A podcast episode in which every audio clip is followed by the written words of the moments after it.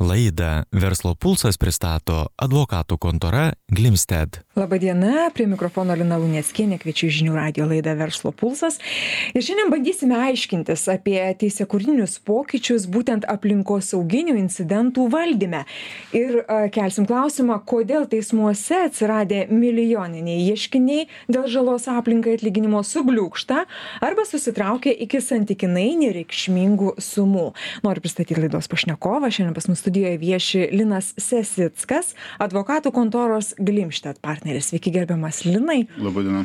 A, tai a, gal bendrą tokį žvilgsnį vertinant situaciją Lietuvoje, jeigu mes kalbėtumėm būtent apie aplikosauginius incidentus, jų valdymą, apskritai, kaip vyksta ta, ta, ta, ta, tas reguliavimas ar ne, baudų skirimas, ką mes turime, ką jūs stebite, kokios, kokia problematika čia yra.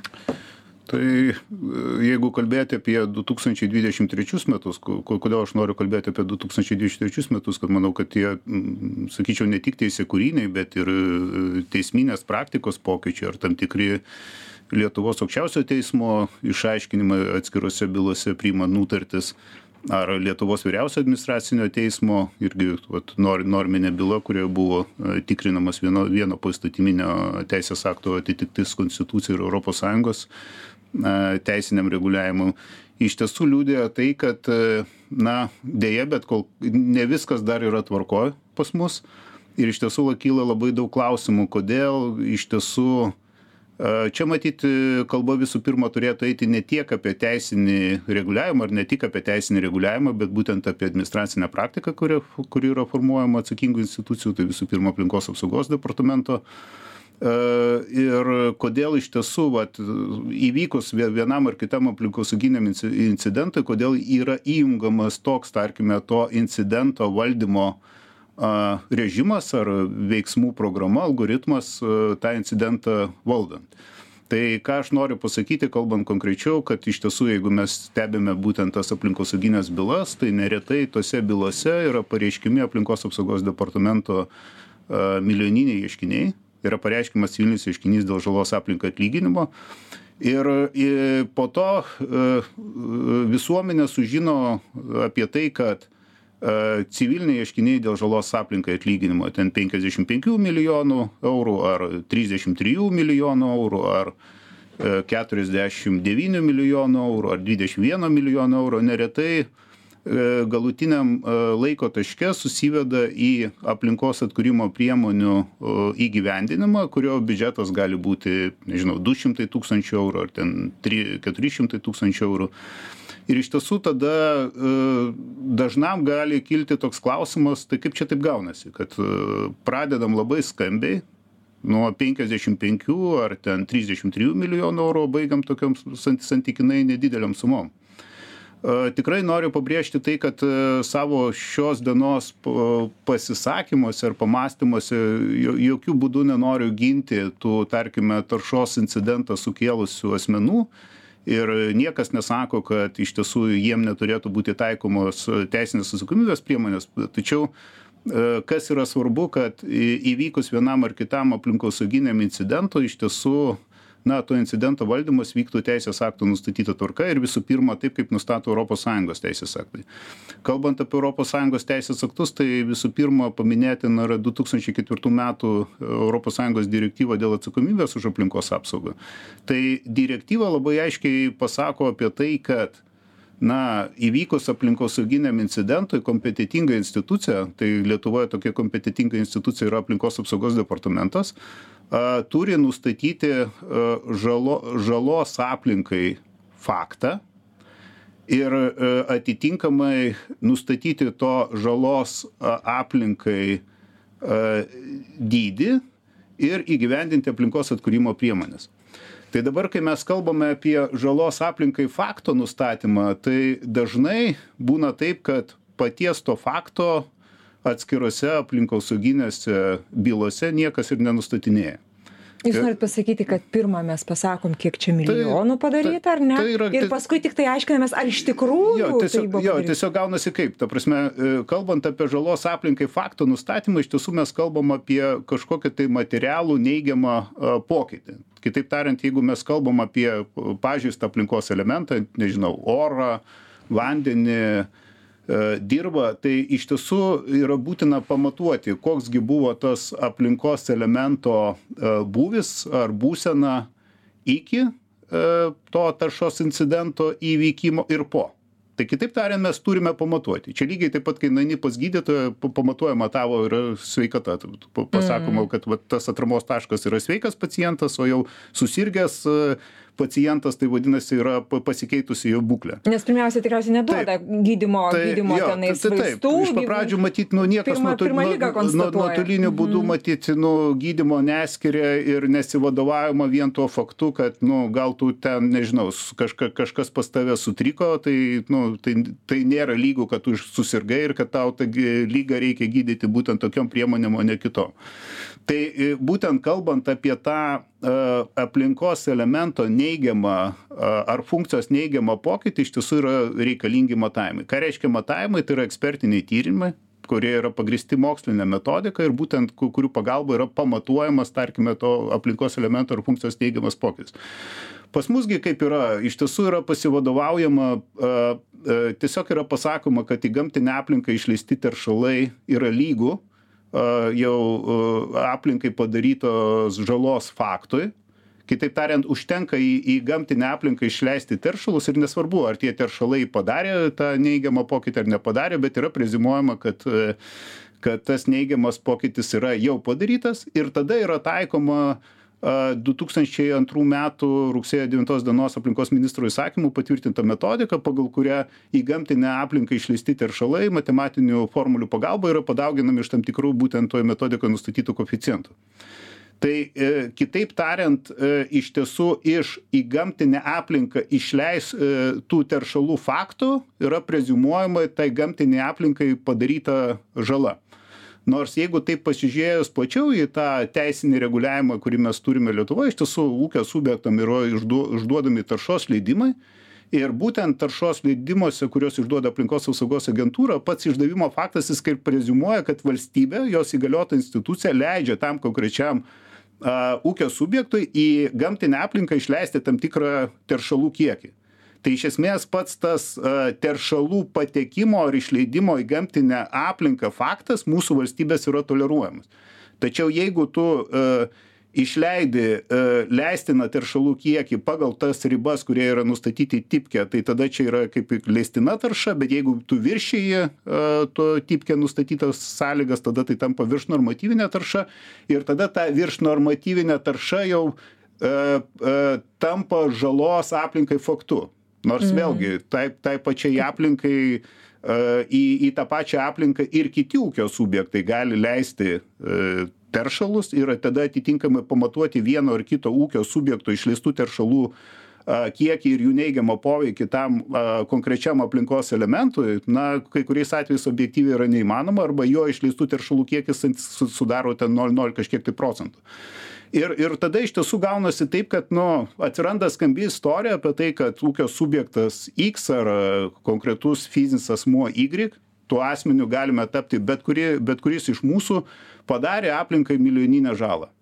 Skamba viešoje erdvėje tai įspūdingai kabutėse. Iš tiesų tai kai kuriais atvejais aplinkosauginius incidentų valdymo atvejais tai tampa rezonansinėm bylom kalbama apie milijoninę aplinkai padarytą žalą ir iš tiesų tas a a ūkio subjektas ar fizinis asmuo yra pasmerkiamas na tokiam visuomenės teismui. Mes gi puikiai suprantam ką reiškia kokia yra padaroma didžiulė žala to asmens geram vardui reputacijai.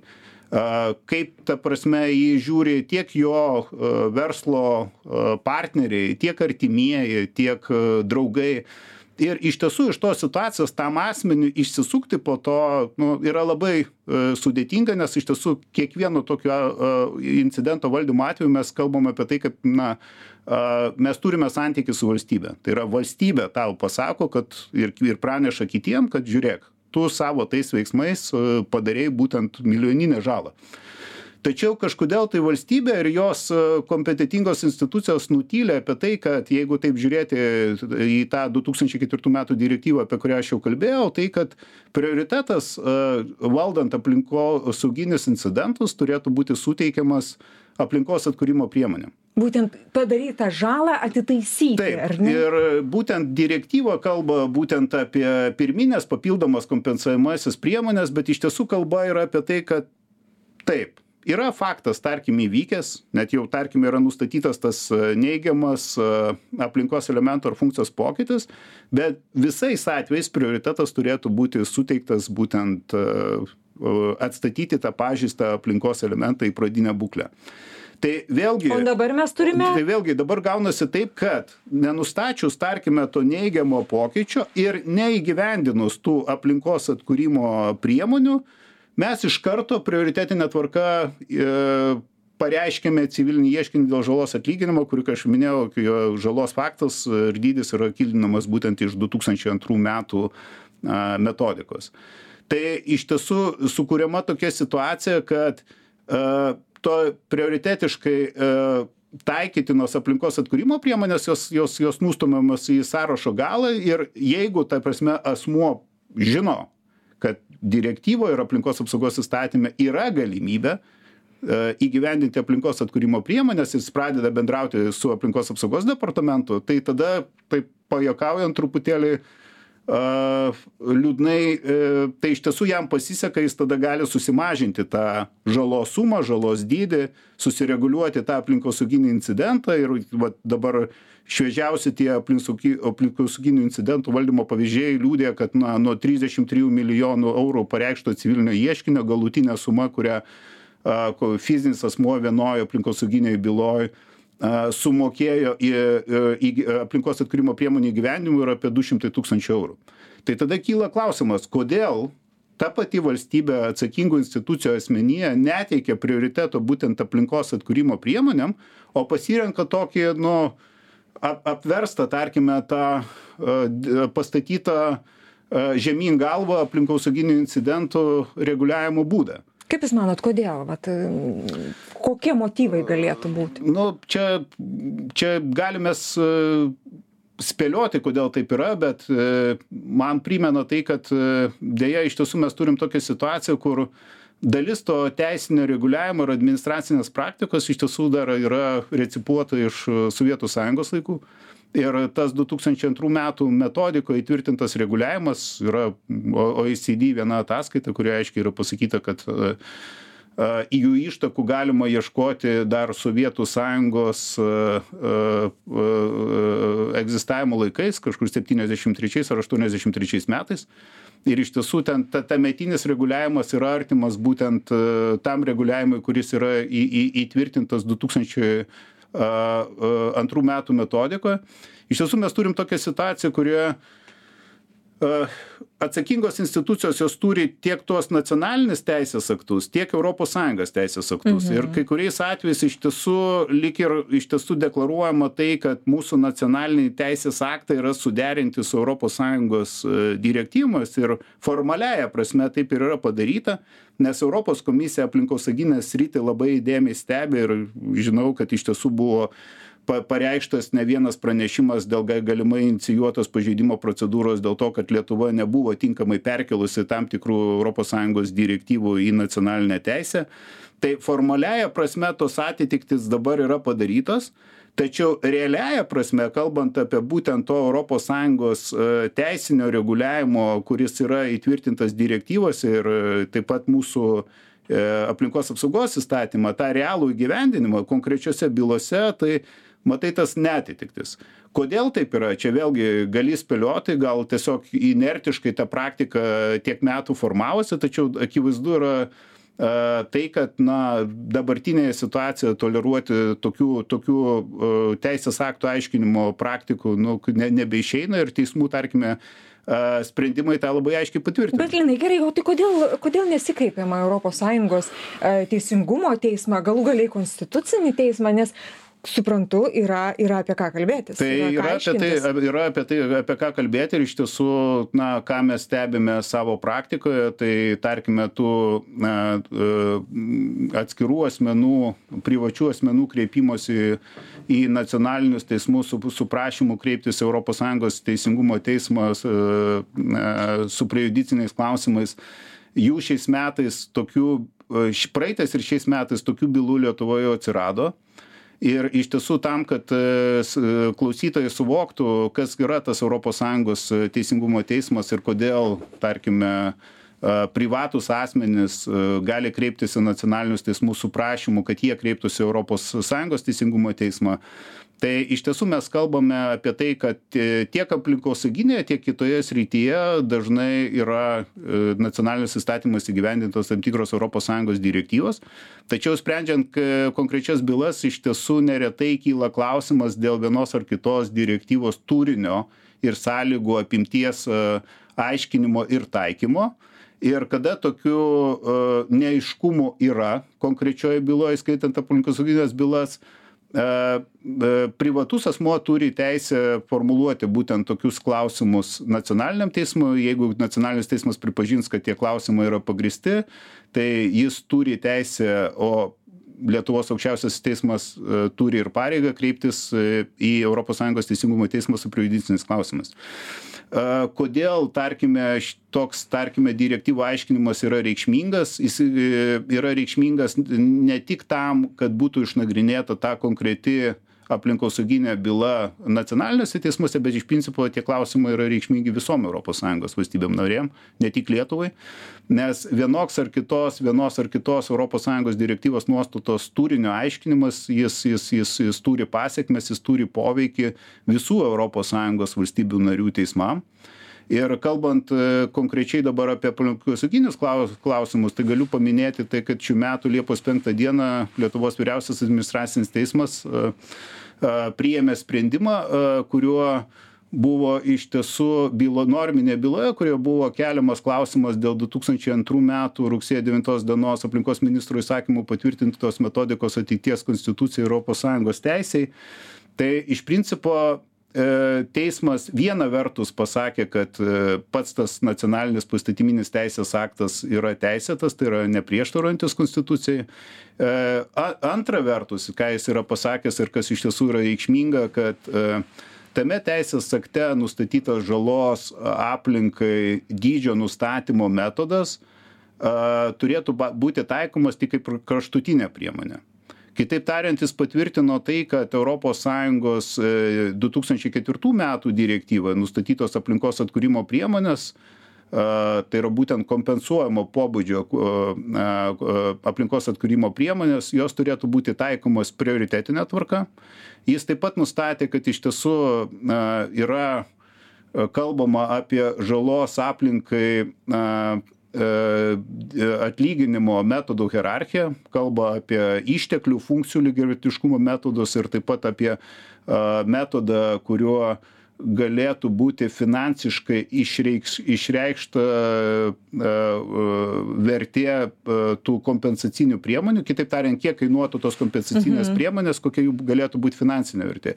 Ir toje būtent hierarchijoje paskutinėje vietoje yra būtent metodikoje nustatytas metodas kitaip tariant yra aiškiai pasakoma kad tik tais atvejais jei ir kai tu ne negali į taikyti hierarchijoje esančių aukštesnių metodų tu išimties tvarka ar kraštutiniu atveju gali taikyti būtent metodikoje nustatytą na metodą. Tai lygiai taip pat kadangi civiliniai ieškiniai yra pagrįsti būtent tuo pačiu a metodika taikytinų reguliavimų tai darytina išvada kad civiliniai ieškiniai irgi dėl žalos atlyginimo jie turėtų būti taikomi kaip kraštutinė priemonė kaip ultima ratio ir tik tais atvejais jei ir kai tu negali įgyvendinti kitų aplinkos atkūrimo priemonių tu turi teisę taikyti būtent metodikoj nustatytą metodą. Tačiau taip kaip tas metodas yra apibrėžtas lietuvos vyriausio administracinio teismo sprendime ir dėl šito metodo kyla klausimų būtent dėl to ar europos sąjungos du tūkstančiai ketvirtų metų direktyvą galima aiškinti kaip tokią kuri leidžia šitą metodą nes iš tiesų skaitant būtent tą du tūkstančiai ketvirtų metų direktyvą ir joje išvardintus metodus ir aplinkos atkūrimo priemones deja bet nu tokios priemonės ar tokio metodo nėra. Linai, žiūrėkite, man jau pasakė, kad mes turim baigti, tai čia yra tikrai apie ką kalbėtis, ką aiškintis, ką, ką gerinti, reguliuoti. Tikrai tikiu, kad kitose laidose pratesime mūsų, mūsų pokalbį šią temą. Žinių radio klausytėjams noriu priminti, kad laidoje Verslo pulsas dalyvavo Linas Sesickas, advokatų kontoros Glimštat partneris. Laidą vedžiu aš Lina Luneckienės ir toliau likit su žinių radiju. Gražių jums dienų. Laidą Verslo pulsas pristato advokatų kontora Glimsted.